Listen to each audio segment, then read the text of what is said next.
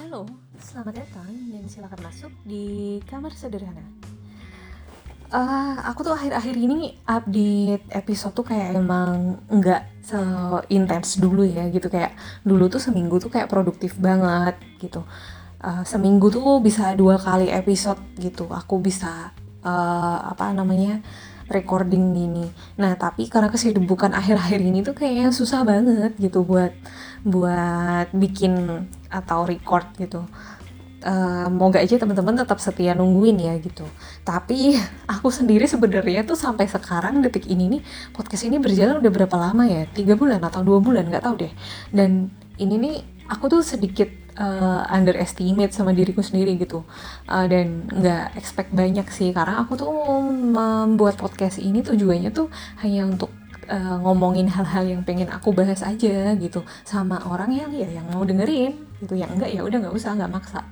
Karena awalnya tuh aku memang tipe orang yang suka ngebahas sesuatu tuh secara mendalam gitu loh. Walaupun kalau di sini aku di podcast tuh aku nggak membahasnya secara mendalam. Cuman kan di keseharian nggak semua orang itu bisa uh, kita ajak ngobrolin hal-hal yang kayak gini ya gitu. Karena aku bikin podcast ini kan tujuannya untuk membahas hal-hal sehari-hari sering kita temuin gitu.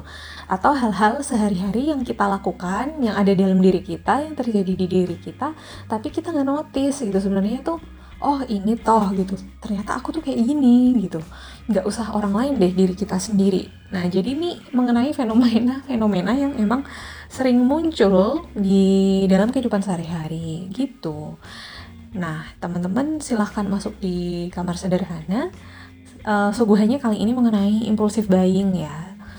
Jadi uh, impulsif buying itu kayak apa? Sebelum aku bilang kayak apa, um, sering kan kalian tuh pasti ngalami kayak gini, buka uh, aplikasi e-commerce kalian, entah itu Shopee, entah itu Lazada, entah itu Tokped, entah itu JDID, apa pun itu, kadang kita itu sebenarnya budgetnya tuh buat belanja nggak banyak gitu, atau bahkan saat itu tuh lagi seret akhir bulan coy, tapi uh, ngelihat barang ih kok lucu ya gitu. Mana murah lagi gitu kan. Anggap aja murah padahal budget nggak ada buat beli itu gitu. Eh murah loh segini loh. Dia lagi lagi sembilan sembilan sepuluh sepuluh gitu flash sale. Uh, kapan nih? Kalau nggak besok lagi pasti udah habis nih barang gitu. Atau uh, udah nggak flash sale lagi. Nah kayak gitu seringnya kan kita. Ada lagi kejadian kejadian lagi. Uh, kebiasaan yang sering terjadi gini. Uh, kita tuh misalnya lagi lagi ngerjain tugas gitu ya buat yang anak-anak kuliah nih yang sebelum pandemi gitu. Uh, ngerjain tugasnya tuh belum ada 50% gitu loh. Tapi udah boring ya. Eh nongkrong aja yuk gak seolah-olah membenarkan gitu loh. Kayak tugas belum kelar tapi membenarkan bahwa nggak masalah sih kita uh, nongkrong. Nanti siapa tahu nih bisa otaknya re lebih rileks dan bisa dapat inspirasi dan bisa ngerjain lebih lancar di sana. Sampainya di kafe nggak nongkrong. Ya jajan. Eh nggak nongkrong lagi. Nggak nggak ngerjain tuh gak jajan. Nggak diskusi ya malah malah jadinya nongkrong ngobrolin hal yang nggak perlu diobrolin saat itu gitu loh. Nongkrong yuk yaudah yuk gasken gitu Terus ada lagi nih yang sering terjadi adalah kita nemenin orang, kita nemenin teman kita, tapi ketika keluar dari tempat belanja, tantangan kita itu nggak kalah banyak sama yang belanja, sama yang dianterin dan ditemenin, iya nggak? Pasti tuh kayak gitu di kebanyakannya ya. Nah, eh, hal-hal semacam ini kita anggap tuh normal ya kan, dan kita tuh seolah-olah uh, emang udah terbiasa aja kayak gini. Ini normal kok. Ini kita biasa kayak gitu gitu kan. Nah ternyata uh, hal-hal itu merupakan uh, contoh uh, impulsif buying. Nah ini aku jelasin dulu nih impulsif itu apa buat teman-teman yang nggak familiar sama kata impulsif. Impulsif itu merupakan sikap atau perilaku ketika seseorang melakukan tindakan tanpa memikirkan akibat dari yang dia lakukan saat itu. Atau dia nggak mempertimbangkan dulu gitu loh untuk melakukan uh, sesuatu. Nah itu kalau impulsif ya. Uh, nanti ada perkembang uh, ada penjelasannya juga penjabarannya juga impulsif itu secara uh, psikis dan lain sebagainya. Tapi ini lebih ke impulsif buying ya kita mau bahasnya. Uh, terus bisa dibilang itu impulsif merupakan uh, bertindak sebelum berpikir gitu.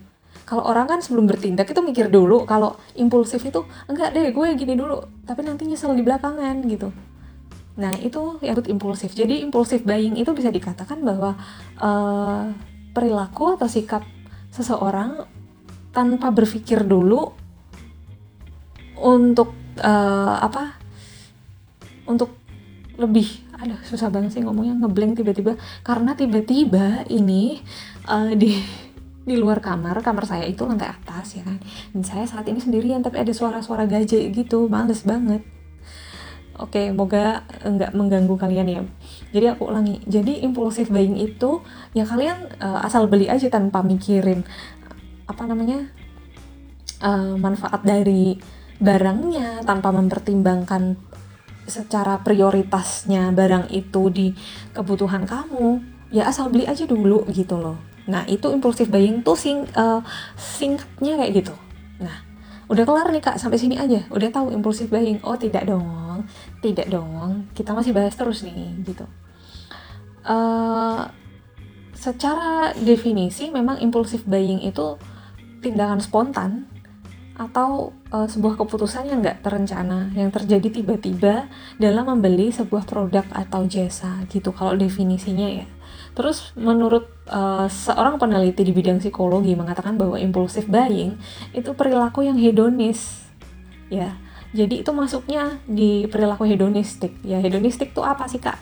Hedonistik itu ya perilaku di mana kita tuh mengejar material duniawi ini gitu loh Lalu uh, sikap uh, impulsif buying ini tuh ditandai dengan kalau lo udah belanja, lo puas. Ketika lo udah belanja tuh ketika paket kak datang paketnya gitu buka, aduh lega banget gitu. Lega banget nih udah sampai paket gue ya ampun. Kerasa gitu gak sih kalian? Misalnya di kantor nih ini yang sering aku alami sih sendiri ya di kantor. Entah aku atau temen-temen aku. Nunggu ba nungguin banget tuh trackingnya oh, sampai mana? gitu. Eh udah sampai di kota kita nih gitu. Terus kalau udah ada uh, barang barang kamu lagi diantar ke tujuan kamu gitu. Itu tuh rasanya kayak yang aduh nggak sabar nggak sabar gitu. Rasanya ya nggak sih? Terus kalau udah kita dapet tuh rasanya tuh aduh lega banget puas banget. Nah itu tuh sebenarnya kita udah berperilaku impulsif buying loh. Beneran seperti itu impulsif buying. Dan impulsif buying itu biasanya tuh bisa terjadi secara tiba-tiba ketika kita misal nih eh, nggak uh, ada pikiran ya sebenarnya kita nggak ada pikiran gitu loh buat buat mau belanja. Kita tuh lagi nongkrong misalnya di kafe di kafe nih uh, kafenya jaraknya tuh nggak jauh dari mall gitu. Eh uh, abis makan siang uh, kita ini yuk dari kafe ini kan nggak jauh tuh dari mall ini gitu mall A gitu misal. Eh iya yuk yuk gitu begitulah akhirnya gitu. Itu juga impulsif buying karena tuh nggak terencana nggak ada pikiran. Tiba-tiba gitu aja kita langsung ide banget langsung ke mall gitu. Misal jangankan mall kita misal a mall lagi yang bilang jangankan mall ke tempat-tempat yang ya toko-toko biasa misal toko aksesoris HP aksesoris gadget atau nih kalau yang cewek-cewek ke uh, toko-toko make up gitu.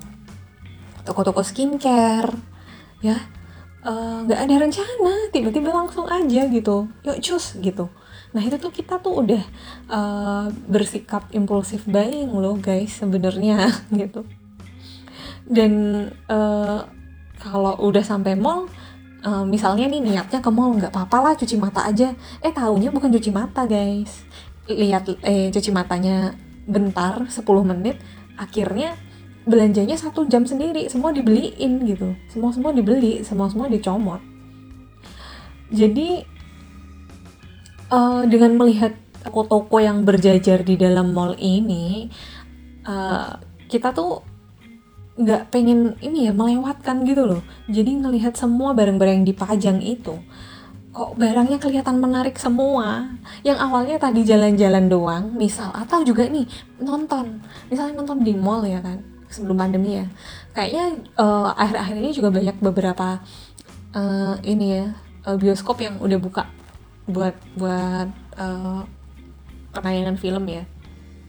Kita tujuannya tuh cuma mau nonton tapi kenapa abis nonton belanja juga akhirnya gitu loh. Nah itu uh, adalah hal-hal yang tidak direncanakan dan sifatnya tuh impulsif. Kembali lagi impulsif itu kan tanpa memikirkan dulu gitu bagaimana kelanjutannya nanti gitu. Kalian nggak peduli nih uh, apa namanya nah ntar gimana ya besok gue mau makan apa ini gitu. Uh, nih tinggal segini duit ah nggak apa-apa lah gitu self reward gitu. Itu itu impulsif buying. Terus impulsif buying itu dapat terjadi ketika seseorang tengah membuka sosmed melihat suatu barang terus abis itu membeli dari online shop tersebut. Dan abis itu kilaf ya kan? Padahal barang-barang yang dia check out itu barang-barang tidak perlu dibutuhkan banget banget gitu loh. Saat itu misalnya nih uh, eh, gue mau beli casing HP gitu. Padahal casing HP masih bagus. Di rumah itu emak udah ngoceh. Biasanya dialami sih sama cewek-cewek nih. Emak udah ngoceh uh, eh itu minyak udah habis. Eh itu sayur kurang tuh stoknya di rumah gitu. Buat yang udah kerja ya. Biasanya ini mama-mama ini kayak uh, rewel banget kalau nggak ada stok bahan untuk masak di rumah. Rewel nggak ada asupannya gitu. Eh tahunya ketika sampai kantor uh, scroll scroll HP di jam-jam uh, lenggang kerjaan lagi senggang banget kilaf buka e-commerce check out langsung. Butuh casing ya kan? Butuh casing. Eh lihat lagi dibuka tokonya nih. Eh dia gak cuma jual casing coy ternyata dia. Eh dia jual speaker bluetooth. Di check out lah lagi. Kayak gitu gak sih? Ya kan? Jadi padahal barang-barang itu bukan barang-barang uh, yang dibutuhkan saat itu gitu loh. Bukan barang-barang yang urgent banget. Minyak goreng itu sudah uh, sudah habis di rumah pak. Bu gitu. Emak sudah berkoar-koar tapi kalian beli speaker bluetooth kalian beli casing. Casing nggak cuma satu lagi yang dipesan uh, tiga biji gitu. Misal kayak gitulah. Padahal satu satu bijinya itu bisa dapat minyak goreng ber, uh, 2 liter gitu. Seperti itu. Nah biasanya katanya nih katanya peneliti-peneliti ini ya kan uh, peneliti di bidang psikologi ini dalam pelaksanaannya tuh impulsif buying tuh lebih menggunakan emosi uh, dan perasaan di, daripada logika gitu. Uh, gimana sih pak uh, menggunakan emosi dan perasaan dibandingkan logika? Hmm, kalau dari apa yang aku searching aku tuh nggak mendapatkan itu. Cuman kalau uh, kemungkinannya sih begini ya ini kemungkinan aku dari perspektif aku aja ketika kita mohon maaf ada suara mengganggu ya suara pintu anak kos di bawah. Jadi ketika impulsif buying itu menggunakan emosi daripada logika gini loh. Orang yang impulsif buying mereka itu biasanya sel selain tanpa mikir ya kan ya logikanya kan berarti lagi nggak main tuh. Dia tuh pakai emosi misal hari itu dia lagi bad mood gitu. Untuk mereward dirinya karena hari kerjanya yang berat karena situasi kondisi uh, perasaan suasana hatinya lagi nggak bagus dia ngelihat barang lucu. Dia ngelihat barang uh, unik.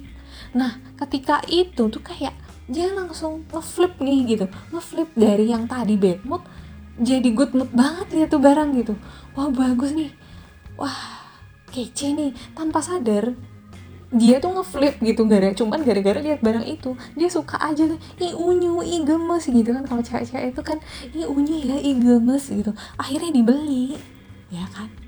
Nah itulah kenapa uh, impulsif buying itu tuh pakainya emosi kayak ini lucu atau nih uh, mungkin aja nih ya kalau misal yang lebih melekat ke sehari-hari uh, aduh ini sebenarnya gue tuh nggak butuh barang ini cuman si doi itu suka gitu. Pakai perasaan banget lah pokoknya. Si doi itu suka ya kayak dia tuh beli sesuatu yang ident dengan orang yang dia suka atau orang yang dia lagi gebet atau orang yang uh, lagi deket sama dia atau pacarnya gitu. Padahal dia nggak perlu-perlu banget gitu. Dia beli akhirnya barang yang misalnya uh, apa ya si cowok ini misalnya uh, ini ini cewek ya yang impulsif buying nah cowok yang jadi crushnya dia ini uh, itu uh, orang yang suka bola gitu. Padahal dia itu nggak suka-suka banget bola gitu. Dia nggak paham soal bola. Akhirnya dia nekat nih karena pakai emosi belilah jersey ya kan? Beli baju bola juga dia. Padahal dia habis belanja bikini habis belanja dress habis skin beli uh, skincare habis ke spa nah lihat kayak begitu uh, dia teringat akan seseorang di sana yang identik dengan bola ya kan? Belilah dia bajunya Barca belilah dia bajunya uh, apa sih gue nggak paham ya soal bola.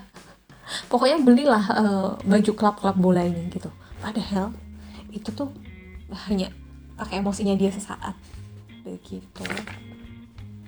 Nah secara umum perilaku impulsif buying ini ada beberapa faktor guys jadi uh, ada faktornya seperti lingkungan belanja, kepribadian, produk yang kita lihat. Bahkan itu ada karena perbedaan as geografis dan aspek budaya. Nah, itu kayak gimana faktor-faktornya uh, itu semua tuh apa gitu loh. Faktor lingkungan belanja ini ya, faktor lingkungan belanja. Ketika kita masuk mall, ya kan, kita tuh akan tergiur dengan aroma. Ya kan? Lu masuk mall aromanya itu udah beda ya kan? Kita lewat di spotnya Jeko. Kita lewat di spotnya uh, mana lagi ya? Hmm, kenapa gue ngeblank sih perkara makanan? Kayaknya lagi kekenyangan deh pokoknya kita uh, di spot-spot tempat makan misalnya. Uh itu aromanya menggugah banget ya kayak masakannya enak banget gitu. Toko roti itu ter terutama kayak Jeko Bretok gitu tuh. Sebenarnya kita tuh udah kenyang habis makan gitu. Tapi tetap aja dibeli gitu. Kan orang tuh nggak melulu belanja itu dengan barang-barang yang ini ya barang-barang yang uh, tas baju sepatu enggak. Tapi emang ada orang yang suka jajan gitu loh ada orang yang impulsif buyingnya di makanan. Iya kan? Ada kan yang suka ngemil yang dia ngerasa ih kok lucu ya? Rotinya kok lucu? Kok es krimnya lucu? Dia beli itu lebih ke makanannya. Jadi aroma tampilan makanan itu juga sangat mempengaruhi ya kan? Buat ayo beli aku ayo makan aku gitu. Lah lalu tampilan produk. Ah ini mah pasti teman-teman udah tahu lah nggak usah dibahas. Tampilan produk itu semakin tampilannya itu bagus, elegan, atau bahkan unik, itu tuh mengundang-undang kita untuk membeli dia gitu loh. Apalagi semakin bentuknya nyentrik dan gak ada kembarannya. Jang, uh, kalian jangan mikir eh, brand-brand yang gede-gede ya gitu kayak brand-brand mall. Bahkan uh, sekarang pun menurut aku, aku tuh lebih tertarik sama brand-brand lokal loh. Brand-brand lokal tuh kayak unik gitu dia tuh kalau nyiptain produk sekarang brand-brand lokal tuh cakep-cakep banget dan bahkan nggak ada yang ngembarin saking bentuknya itu kayak otentik banget gitu loh. Nah itu tuh menggoda sekali. Menurut uh, that's why aku itu suka banget barang-barang lokal karena gak banyak orang yang tahu ya kan? Tapi ketika kita pakai eh cakep ya tas kamu gitu. Makanya cintailah produk lokal juga. Bukannya aku menggiring orang oh brand luar negeri gak bagus. Oh tidak sih tidak. Aku tetap juga suka barang-barang brand-brand gede asal ada duitnya gitu tapi brand lokal sekarang jangan salah. Karena mereka itu produknya uh, apa premium bahan-bahannya bagus.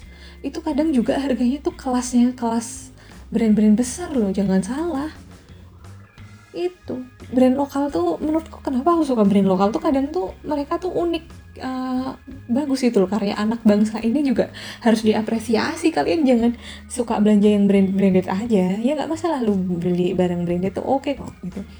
Tapi uh, lu juga harus tahu deh barang-barang lokal yang yang kelasnya tuh go internasional. Kayak ini nih kayak apa ya yang uh, Erigo ya yang sering aku tahu tuh Eri gue udah gue internasional. Ya nggak sih? Gue internasional lagi. Dia udah ke beberapa pasarnya tuh udah ke ke luar negeri sama roughneck ya mungkin cowok-cowok yang tahu nih kalau pakaian outfit cowok uh, kayak uh, apa namanya hoodie jaket gitu-gitu tuh uh, banyak banget brand kita tuh yang udah masuk ke apa luar negeri dan itu tuh cakep-cakep tau gak sih apalagi sepatu sepatu sepatu tuh aduh ya ampun aku tuh gila penggila brand lokal daripada brand-brand yang ini gitu. Nah itu yang membuat impulsif buying karena mereka tuh unik gitu loh kak, otentik banget gitu. Ah, ngomongin brand lokal tuh nggak ada habisnya. Kayaknya aku pengen bahas deh itu brand-brand lokal suatu saat nanti gitu ya. Oke, nah ini mengenai ruangan juga kembali lagi ya kita lanjut mengenai ruangan. Nah ruangan itu juga berpengaruh loh kayak ruangannya luas, tempatnya cozy, kita lihat duh daripada tempat yang itu kayaknya itu terlalu rame deh dan gak enak dan berhimpitan gitu. Nah tapi kalau kita masuk ke tempat yang mungkin di mall tuh kita sering lihat tempat-tempat yang sepi gitu. Ya, uh, spot-spot tempat makan yang sepi, gak serame di Jeko misal, gak serame di McDonald gitu misal tapi kok cozy gitu. Ya tetap aja itu dimasukin. Uh, sekarang kan kita kan suka pamer ya gitu di medsos. Uh, suka foto-foto estetik. Ya kita tetap milih yang sepi loh. Coba kalian pikir iya gak sih? Padahal bisa dibilang mungkin dia sepi karena karena uh, ini apa namanya mahal. Tapi kita tetap jabanin gitu karena kita cari spot foto relate gak sih sama impulsif buying? Sebenarnya aku omongin ini tapi emang uh, ruangan itu sangat menentukan orang tertarik untuk masuk ke dalam tempat jualan kamu gitu. Walaupun mungkin kelihatan sepi tapi pasti itu ada kelas-kelasnya. Kan gini ya kita sering nggak sih kelihat mall-mall yang ada tempatnya sepi gitu? Uh, bukan berarti dia nggak laku tapi memang dia punya kelasnya sendiri itu Nah, makanya luas ruangan, uh, situasi ruangan itu juga menentukan oh, dan bisa membuat orang langsung impulsif buying gitu. Nah, ini juga selain faktor lingkungan belanja, ada juga faktor kepribadian. Salah satu sifat yang mendukung adalah sifat mendukung ini impulsif buying itu adalah sifat materialisme. Ya, seorang peneliti asal Amerika menjelaskan kalau sifat materialisme itu ditunjukkan dengan mengutamakan keuntungan material ya. Pokoknya gue harus untung gitu. Uh, money oriented juga ya bisa dibilang gitu. Dan punya posesi yang banyak pada pencitraan diri dan popularitas. Materialistis itu mengarahnya ke sana. Dia ingin memenuhi kebutuhan materinya, uh, finansialnya untuk arahnya ke pencitraan diri dan popularitas gitu. Jadi pengen banget show off dilihat orang jadi pusat perhatian. Itu adalah uh, hilirnya ada hilirnya lagi dari hulu ke hilir. Hilirnya uh, ke sana ke popularitas dan pencitraan diri. Gitu. Biasanya ditunjukkan dengan uang atau penampilan gitu. Penampilannya pokoknya harus banget uh, di notice orang gitu loh gitu. Jadi misalnya gila nih dia pakai tas ini harganya berapa? gitu. Orang nggak lihat orang nggak akan lihat dia kerjanya apa dia ininya apa kalau orang nggak kenal ya kan. Tapi kalau orang kenal AKW itu mah gitu. Orang kerjanya juga gaji UMR gitu orang biasanya kayak gitu kan. Nah uh, lalu penelitian lain juga menjelaskan bahwa impulsive buying itu bisa melepaskan emosi negatif. Emosi negatif emosi negatif gimana sih uh, kayak rendahnya harga diri dan mood yang lagi nggak baik. Aku tadi udah bahas ya gitu. Di depan uh, orang bakal ngerasa lega aja kalau habis beli. Karena apa? Uh, orang ini juga dia menyinggung rendahnya harga diri ya. Rendahnya harga diri tuh uh, gini korelasinya sama impulsif buying. Ketika orang itu punya harga diri rendah mungkin dia uh, ngerasa kalau udah beli barang bagus wah gue bisa ngasih harga uh, bisa nge-reward diri gue nih gitu. Dengan begini dengan gue beli barang bagus orang akan membuat uh, membuat lagi orang akan melihat gue orang akan memperhatikan gue oh orang bakalan notice gue kalau gue pakai tas Gucci kalau gue pakai tas Chanel kalau gue pakai Louis Vuitton kalau gue pakai uh, apa namanya brand-brand yang gede lah gitu. Kayak roteli lah atau apalagi macam-macam. Banyak banget kalau mau disebutin. Nah ini uh, sebagai bentuk uh, penghargaan diri sih sebenarnya reward. Dan itu juga membuat orang menunjang atau menaikkan uh, harga dirinya gitu. Kan ada orang yang rendah harga diri tuh ada loh gitu. Dia ngerasa diri nggak berharga. Dia ngerasa nggak punya apa-apa. Ya itu. Nah dan ada orang yang memang uh, ketika moodnya lagi gak baik larinya ke mana? Ke belanja. Kan puas habis itu. Seneng dapat barang bagus seneng dapat barang lucu seneng dapat barang yang unyu. Gitu itu moodnya jadi bangkit lagi. Makin bangkit kalau paketannya nyampe. Dah mood banget lah pokoknya ya. Selanjutnya uh, untuk kepribadian materialis mak keselew-selew amat nih apa lidah untuk uh, orang materi ini ya menganggap mereka akan lebih baik kalau punya materi ya. Uh, akan terlihat uh, mereka tuh suka banget dinotis dan diperhatikan orang dan diakui orang gitu. Aku pernah bahas ini juga di mana? Di matre versus realistis ya. Itu pokoknya orang matre itu uh, suka banget kalau dia dapat validasi dari orang lain gitu loh. Makanya hindarilah berbelanja secara rame-rame karena kalau lo belanja rame-rame rasanya juga makin-makin banyak orang yang gini. Eh ini bagus nggak guys? Ini bagus nggak? Oh, cewek-cewek itu gini eh bagus nggak ini? Eh bagus lu warnanya eh warnanya bagus. Cakep beneran nggak bohong gua. Lu ini ambil aja nanti besok besok jangan-jangan udah udah sold out udah habis itu bah. Ya kan nah itu faktor yang pertama nih kalau belanja rame-rame. Yang kedua adalah ketika lo belanja rame-rame lo bakalan secara tidak sadar lo tuh bersaing. Yeah bersaing. Bersaing bagaimana? Nanti kita bahas. Oke. Okay. di belakang masih ada hubungannya nih sama sama ini nih matre yang uh, lebih baik dihindari kalau lu udah kerasa lu impulsif buying nih gitu jangan belanja rame-rame mending lu belanja sendiri. Nah itulah that's why gua sampai sekarang dari gua itu SMA kalau belanja itu cuma sama temen gue satu orang. Dan tapi lebih sering lagi nya itu sendirian karena menghindari impulsif buying gitu. Kalau sama temen tuh kayak yang kita udah dapat barang nih. Nah temen nih masih keliling-keliling nih masih cari-cari ketika temen-temen nih keliling-keliling cari-cari mata kita pun ikut cari-cari gitu loh. Yang budgetnya hari ini cuma ah gue beli sepatu doang aja lah udah cukup. Eh tahunnya juga masih nambah lagi beli tas. Eh masih nambah lagi masuk ke uh, apa namanya miniso barang-barangnya unyu ya semua pengen diborong gitu kan. Seperti itu memang. Uh, kalau kalau punya sifat-sifat udah tanda-tanda impulsif buying hindarilah berbelanja beramai-ramai karena sifat materialisme kamu juga akan mudah berkembang karena lo show off juga sama teman-teman lo di keramaian itu yang bareng-bareng belanja. Lalu faktor produk, oke, okay, faktor produk. Faktor produk itu, wah nggak perlu dibahas banyak-banyak ya. Orang untuk meningkatkan uh, apa ya, meningkatkan antusiasme dari customernya itu pasti sedemikian rupa mendesain secara elegan, secara unik gitu. Supaya untuk menarik perhatian pembeli mendorong seseorang untuk membelinya secara impulsif. Kadang tuh kemasannya tuh mewah gitu. Elegan harganya murah. Wah beli. Wah wah ternyata dia masih punya uh, produk lain nih yang juga sama-sama lucunya. Beli. Murah kok beli.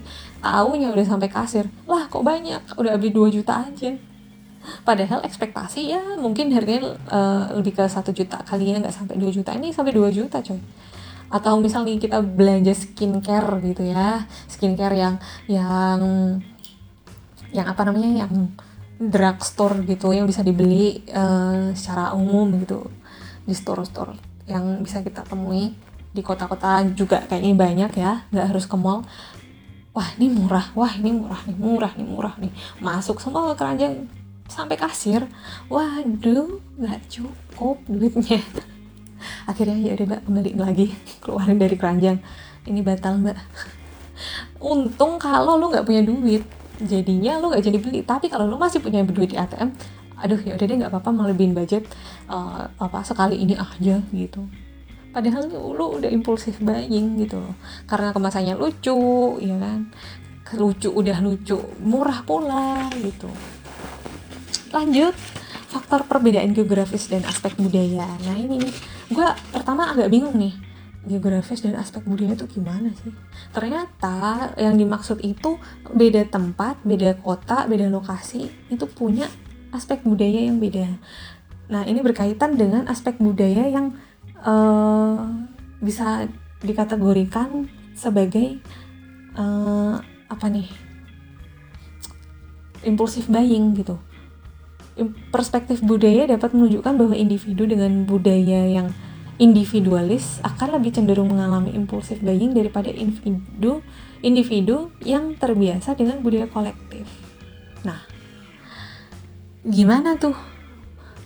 Tadi kan rame-rame kak gitu, rame-rame bikin orang pengen show off nih, pengen belanja.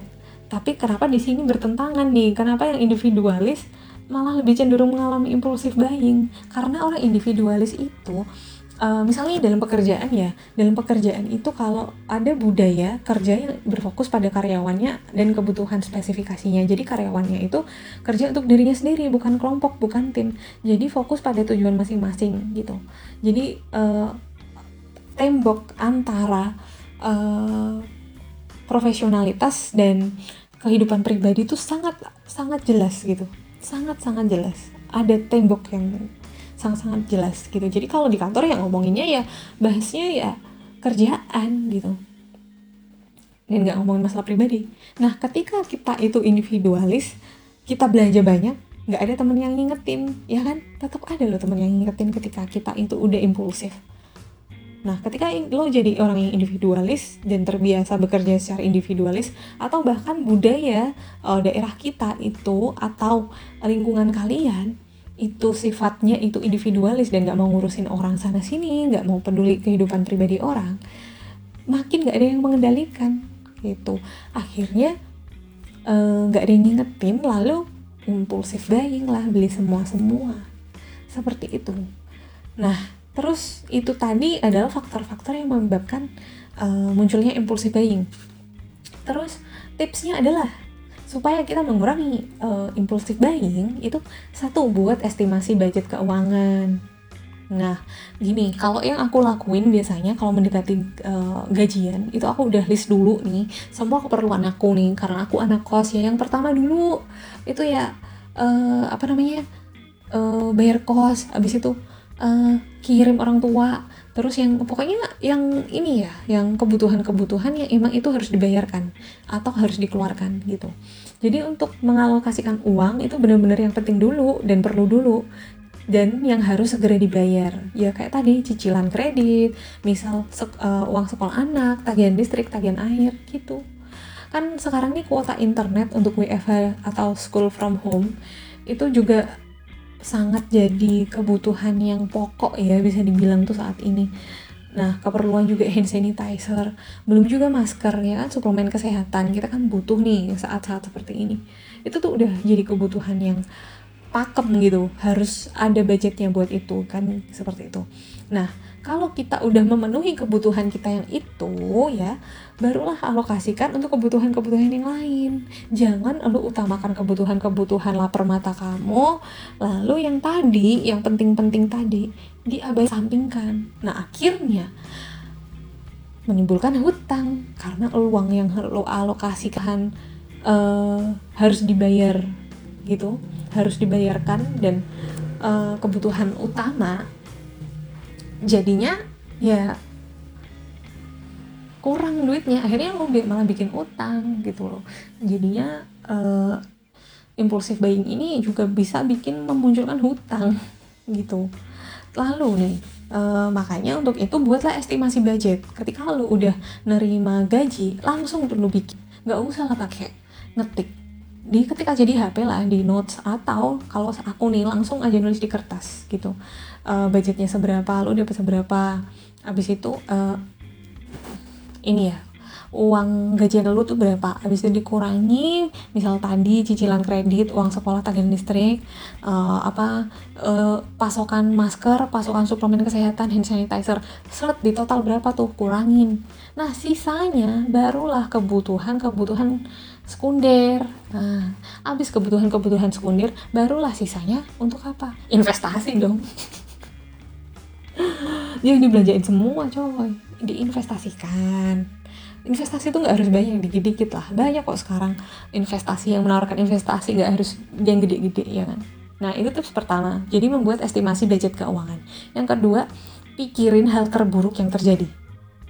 Pikirin hal terburuk yang terjadi gimana sih ya pikirin hal terburuk kalau lo ngeluarin duit sebanyak itu gitu jadi ini kiat yang uh, salah satu kiat yang untuk kita tanamkan di otak kita ya gitu bahwa uh, mencegah impulsif buying itu caranya mikir yang mikir yang buruk-buruk nih gitu. Bayangin yang jelek-jelek gitu. Bayangkan apa yang terjadi bila kita selalu melakukan kebiasaan ini gitu loh.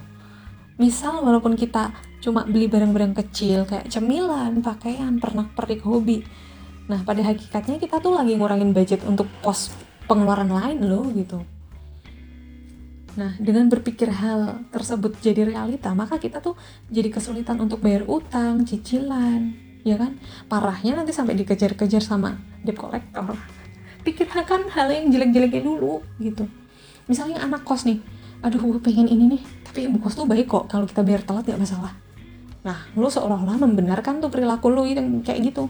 Jangan dong tegur diri lo gitu. Tegur dan bayangin yang jelek-jelek. Wah ntar kalau gue nggak bayar uang kos uh, gimana nih nanti ditagih ibu kos kan malu. Nah gitulah simpelnya ya kan? Lalu yang ketiga uh, taruh di tempat yang aman apanya ya duitnya lah gitu uh, kalau udah parah banget sih ini menurutku kalau kalau impulsif buying kamu udah parah banget itu kamu mending uh, simpen uang di tempat aman seperti di rekening yang tidak terhubung dengan internet banking ataupun e-wallet. Bayangin kan e-wallet itu kayak gimana semudahnya itu kita bisa transfer bahkan sekarang transfer tanpa potongan biaya admin kayak gitu-gitu. Itu kan sangat membantu kita dalam bertransaksi kan. Jadi kayak trafficnya kita ngeluarin duit tuh banter ya kan. Makanya uh, untuk kamu yang parah banget impulsif bayinya mending nggak pakai kayak gitu nggak pakai aplikasi-aplikasi yang seperti itu karena uh, supaya kita itu sulit mengakses duit kita gitu kan memang semua itu untuk memudahkan manusia ya tapi kalau udah jadi toxic di diri kamu impulsif ya mending kamu un ini deh uninstall aja hal ini juga dapat jadi salah satu alternatif ya kalau kita tuh uh, punya tujuan biar kita tuh nggak kilaf gitu bahkan kalau perlu tinggalkan kartu debit atau kredit kita uh, di rumah kalau jalan-jalan tempat belanja gitu. Kalau lu udah impulsif banget menurutku, karena aku itu bukan orang yang impulsif buying ya, karena anak kos, jadi tahu diri. Gue nggak tahu nih kalau gue udah nggak kos lagi, uh, kemungkinan juga akan impulsif buying kayaknya. Nah makanya itu uh, kalau udah parah banget tinggalin uh, apa kartu kredit atau debitnya. Kalau yang udah parah banget sih kalau enggak ya aku nggak saranin karena takutnya nanti ada apa-apa kita butuh sesuatu pertolongan dana ya yang cepetnya itu gitu kan. Yang terakhir hindari mengikuti akun online shop atau download e-commerce ini kalau yang bagi bagiku yang kayak ini yang lo yang udah parah-parah sih. Kalau yang enggak ya menurutku oke-oke aja nyimpen aplikasi. Buktinya aku juga nyimpen aplikasi itu tapi enggak impulsif buying gitu loh. Maka dari itu uh, kalau yang lo udah parah banget impulsif buyingnya mending uh, hindari deh follow akun jual yang ada di sosmed kayak misal di Facebook atau di Instagram gitu. Hindari itu. Dan bahkan lo bisa uh, mending lo jangan sering-sering lihat e-commerce karena apa? Kalau perlu tuh notifnya dimatiin karena mereka tuh selalu menawarkan barang-barang baru atau yang lagi flash sale, brand-brand yang lagi flash sale. Itu buat kalian yang impulsif buying akut itu tuh kalian gak akan bisa nunda-nunda loh gitu karena aku tuh bukan impulsif uh, bukan orang yang impulsif buying ya uh, ketika apa aku aktifin notifnya itu bahkan hampir setiap beberapa menit sekali tuh notifnya ada gitu loh. Dan toko-toko yang di dalam e-commerce ini tuh nge-message kita, ngechat kita gitu loh buat menarik perhatian. Ya namanya juga orang jualan kan gitu. Nah e, kalau yang kamu impulsif buyingnya udah parah banget mending di uninstall kalau memang ngerasa itu udah udah uh, impulsif dan mengganggu serta mempengaruhi keuangan kalian ya udah mending kamu nggak aktifin notifikasi atau bahkan kamu hapus ya. Karena ini jadinya gak sehat dong nanti untuk keuangan kalian ke depannya kan kayak gitu ya.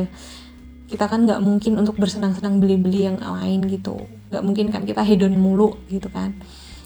Jadi begitulah. Sebenarnya impulsif itu uh, bisa dibilang ini ya bisa dikatakan gangguan psikologi juga. Pada tapi bisa dikatakan gangguan psikologi itu kalau ada aspek-aspek tertentu gitu bisa dilihat lebih jauh lagi. Jadi kalau lu impulsif buying lu tuh sebenarnya udah harus aware lo gitu. Udah udah ini ya kayak udah kalau ibarat gunung merapi yang mau meletus tuh udah siaga. Gitu. Gitu aja kayaknya kita udah lebih dari 30 menit ya. Uh, itu aja soal impulsif buying buat teman-teman uh, tadi udah ada tanda-tandanya impulsif buying faktor-faktornya karena kepribadian faktor produknya juga yang menarik dan juga faktor kehidupan kita yang sering juga ini loh uh, kumpul-kumpul ya kan? Kumpul-kumpul atau kita lebih individualis itu juga berpengaruh. Terus uh, solusinya ya itu tadi ya tipsnya kalau kamu udah ngerasa parah banget kamu harus bikin estimasi budget setiap bulan kalau kamu belanja bulanan lah gitu. Lalu pikirkan hal terburuk yang terjadi. Pikirin lu nanti dikejar-kejar debt collector atau lu ditagihin ibu kos. Malu banget ya kan? Terus uh, taruh uang di tempat yang aman simpan di tempat yang aman. Jangan sampai HP lu di dikasih akses untuk ada internet banking dan e-walletnya. Parah nanti. Makin parah. Dan uninstall uh, e-commerce ya. aplikasi e-commerce atau uh, matiin uh, notifnya dan lu jangan follow-follow akun online shop gitu. Oke okay. itu aja ya teman-teman. Semoga uh, hari ini bermanfaat ya hanya dari kamar sederhana. Walaupun aku tuh kalau bahas tuh nggak mendalam-mendalam banget karena aku nggak suka bahas pakai bahasa-bahasa yang rumit dan terlalu berat supaya semua orang bisa menikmati semua kalangan tuh bisa menikmati gitu loh biar didengerin orang. Percuma gue hebat hebat kayak gue juga nggak hebat tapi nggak nggak ada nggak ada yang tahu dan nggak ada yang paham maksudnya itu apa gitu. Nah gitu aja teman-teman. Semoga teman-teman mendukung. Jangan lupa di follow ya kamar sederhana di Spotify ini kesayangan kita. Aku kemarin sempet live Instagram tapi itu bukan acara aku ya tapi itu acara dari rekan aku. Uh, diajakin uh, diajakin live IG aja tapi aku tuh nggak ada niatan buat ke live IG sih gitu nggak tahu kenapa nggak tertarik belum tertarik tapi nggak tahu besok besok aku lebih percaya diri untuk uh, recording kayak ini gitu. Karena aku nggak pede memperlihatkan wajahku di kamera gitu. Nggak pengen kayak kelihatan gitu. Orangnya itu nggak gitu. Pokoknya nggak ngartis lah aku orang itu tapi uh, suka memang suka foto-foto. Tapi nggak berharap banget buat dipuji orang atau gimana gitu. Memang suka banget foto-foto tapi kalau harus live IG aku tuh kepercayaan diriku tuh langsung merosot gitu langsung merosot turun ke bawah. Gitu aja ya teman-teman. Moga teman-teman follow ini uh, kamar sederhana. Moga kalian berkenan dan diterima. Dan aku pengen ada masukan untuk kemajuan dari uh, teman-teman semuanya. Komen aja di IG atau follow IG aku di Angel Manukalo gitu. Terima kasih. Selamat malam. Bye bye